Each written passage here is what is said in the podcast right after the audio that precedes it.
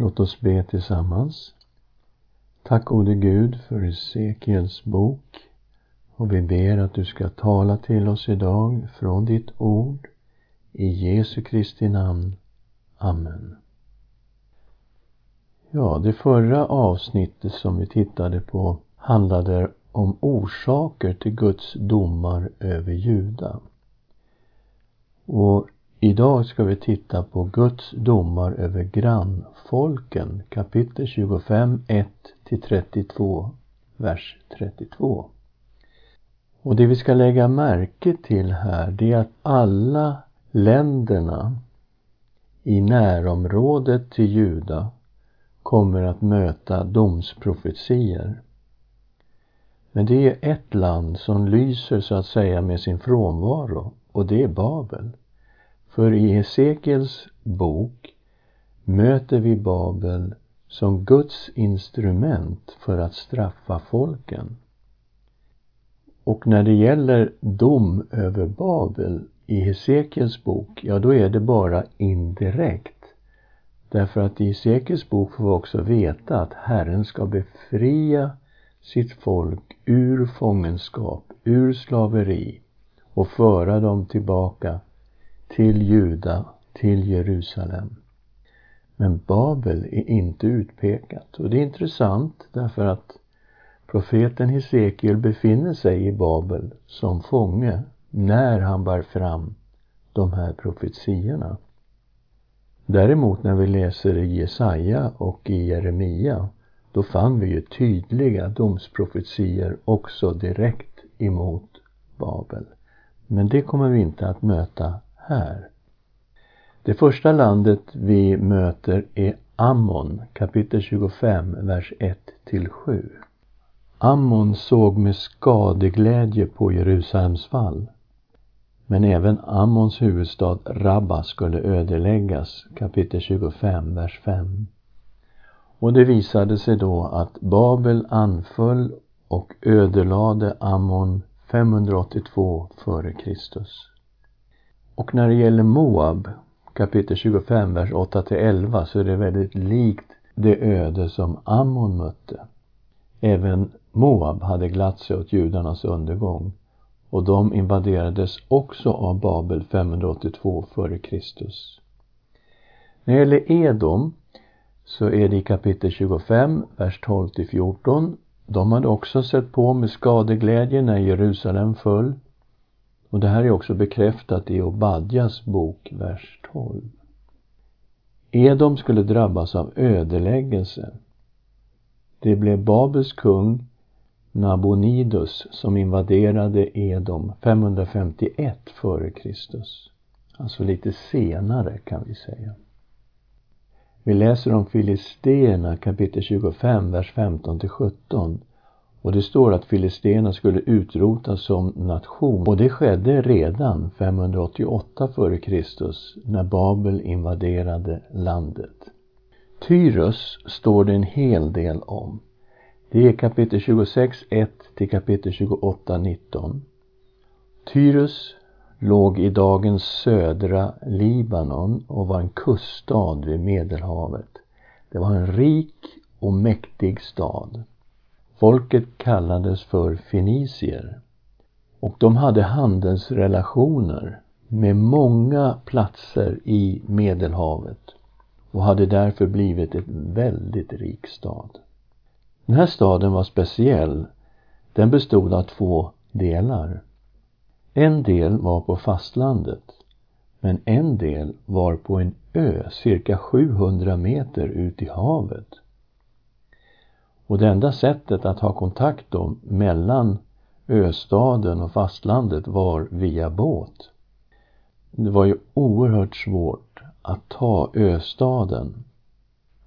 Babel belägrade Tyrus i hela 13 år, mellan 586 till 573 och de lyckades aldrig ta östaden.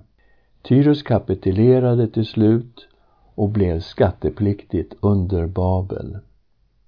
Men det var en lång belägring och det läser vi om i kapitel 29, vers 17 till 18.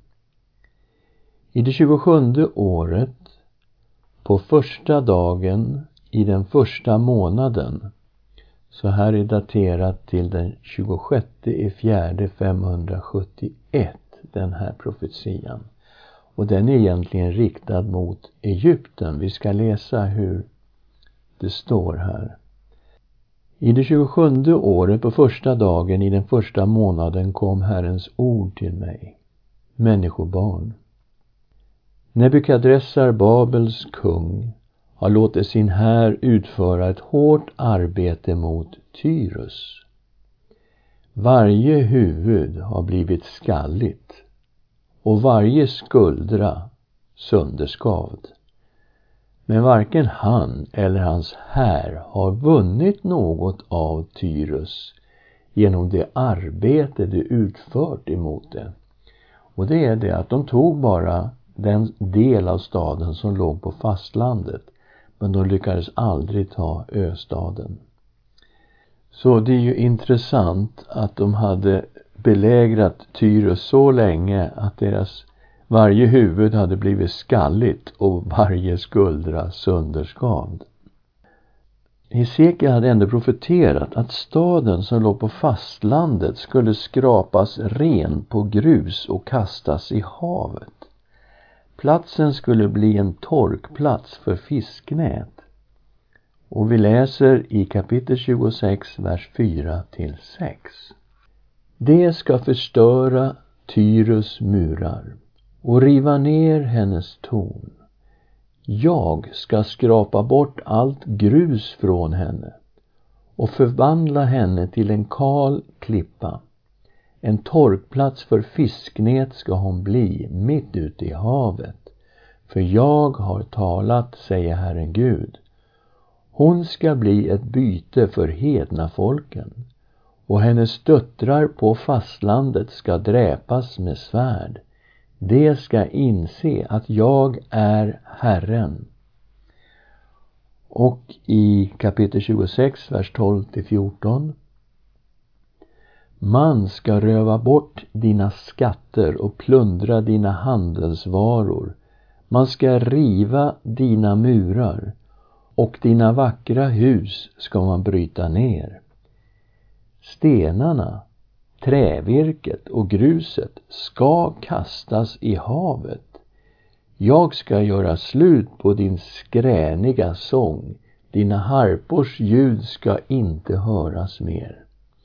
Jag ska göra dig till en kal klippa.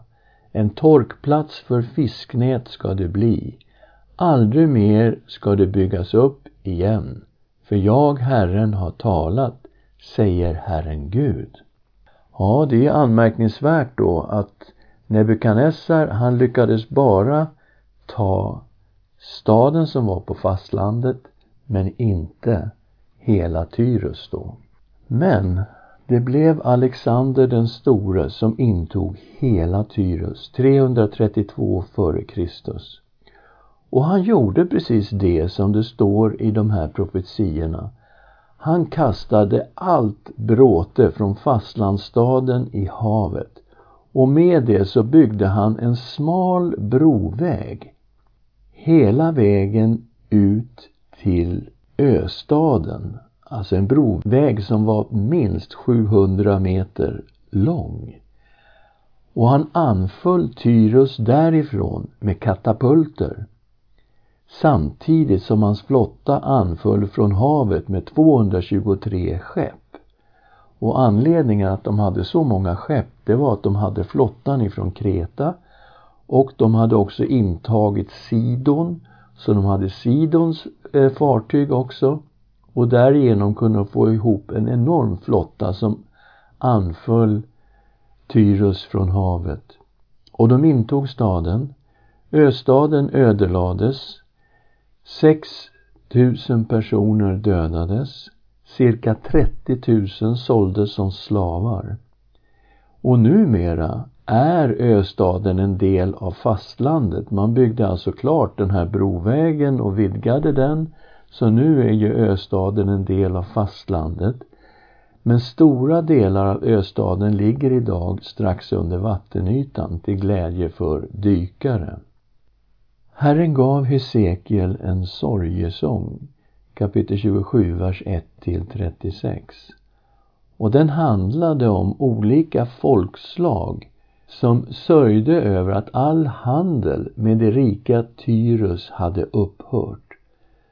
Sången har slående likheter med Uppenbarelseboken kapitel 18.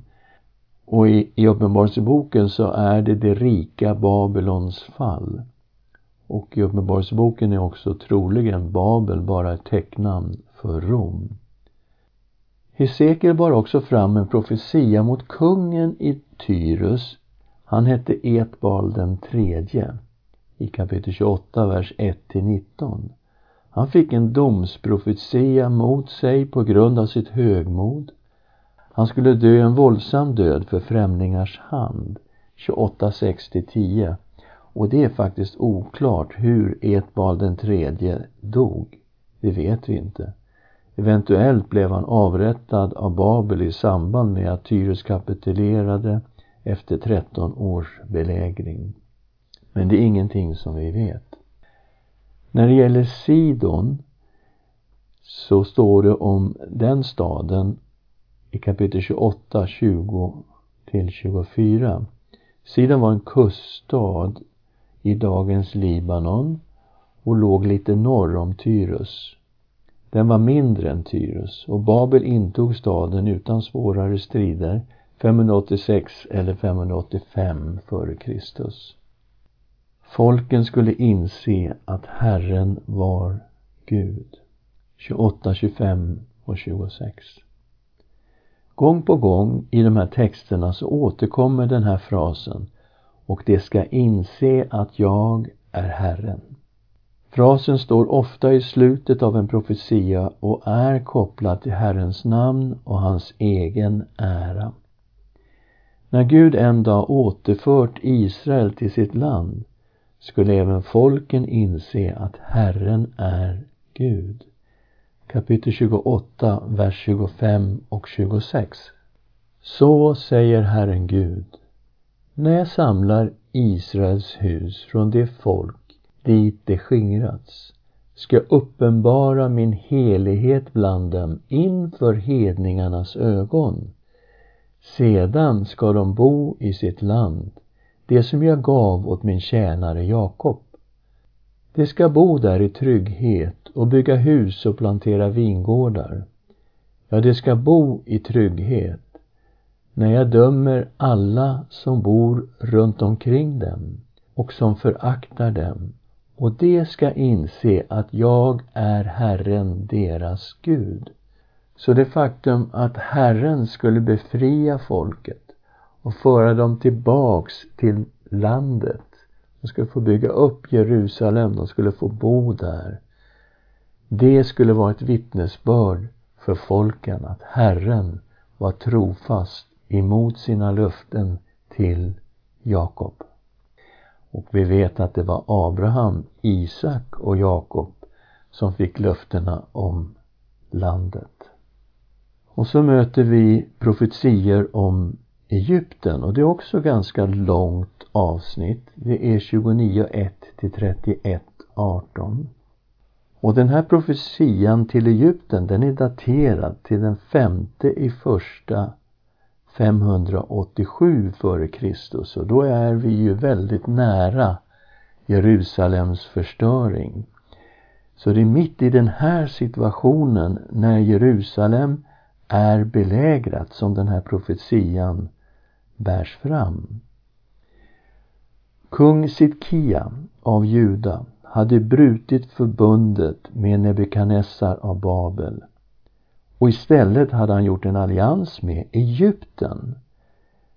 Och det här ledde ju till att Babel belägrade Jerusalem i tre år. Egypten följde alliansen och försökte undsätta Jerusalem 588 f.Kr. Men de besegrades av Babel och Babel återtog sin belägring av Jerusalem som ledde fram till Jerusalems fall och ödeläggelse 586 f.Kr. Och det står här att Herren skulle döma Egypten för allt högmod hos farao Hofra. Han regerade mellan 589 till 570. Och Herren bad farao att se hur det hade gått med Assyrien. De hade ju besegrats av Babel 612 när Nineve ödelades och 609 var ett avgörande slag vid Harran. Och han skulle se på det här, hur Gud hade låtit Babel ödelägga Syrien och Egypten skulle gå samma öde till mötes. Och det gjorde man. Babel invaderade Egypten 573 f.Kr. De plundrade och ödelade städerna och sen drog de sig tillbaka med allt byte till Babel. Kapitel 29, vers 17 till 18. I det tjugosjunde året på första dagen i den första månaden kom Herrens ord till mig. Människobarn. Nebukadressar, Babels kung, har låtit sin här utföra ett hårt arbete mot Tyrus. Varje huvud har blivit skalligt och varje skuldra sönderskavd. Men varken han eller hans här har vunnit något av Tyrus genom det arbete de utfört emot det. Därför säger Herren Gud så. Se, jag ger Egyptens land till Nebukadressar, Babels kung, och han ska föra bort dess rikedomar och plundra och ta byte där. Detta ska hans här få som lön, som ersättning för hans arbete. Jag ger honom Egyptens land, för de har utfört sitt verk för min räkning, säger Herren Gud. Herren gav Hesekiel en sorgesång över farao, kapitel 32, vers 1-32. Och sången handlade om hur Babel skulle besegra Egypten. Den här sången verkar ha kommit i två steg. Den inkluderade även olika folk som Babel besegrat och skulle besegra i framtiden. Låt oss be tillsammans. Tack Herre för ditt ord. Tack för dina profetior som gick i bokstavlig uppfyllelse när det gäller alla de här länderna som fanns omkring Juda. Och vi ser också den här märkliga profetian mot Tyrus. Hur den till slut gick i bokstavlig uppfyllelse när Alexander den store intog Tyrus. Tack Herre för ditt ord. I Jesu Kristi namn. Amen.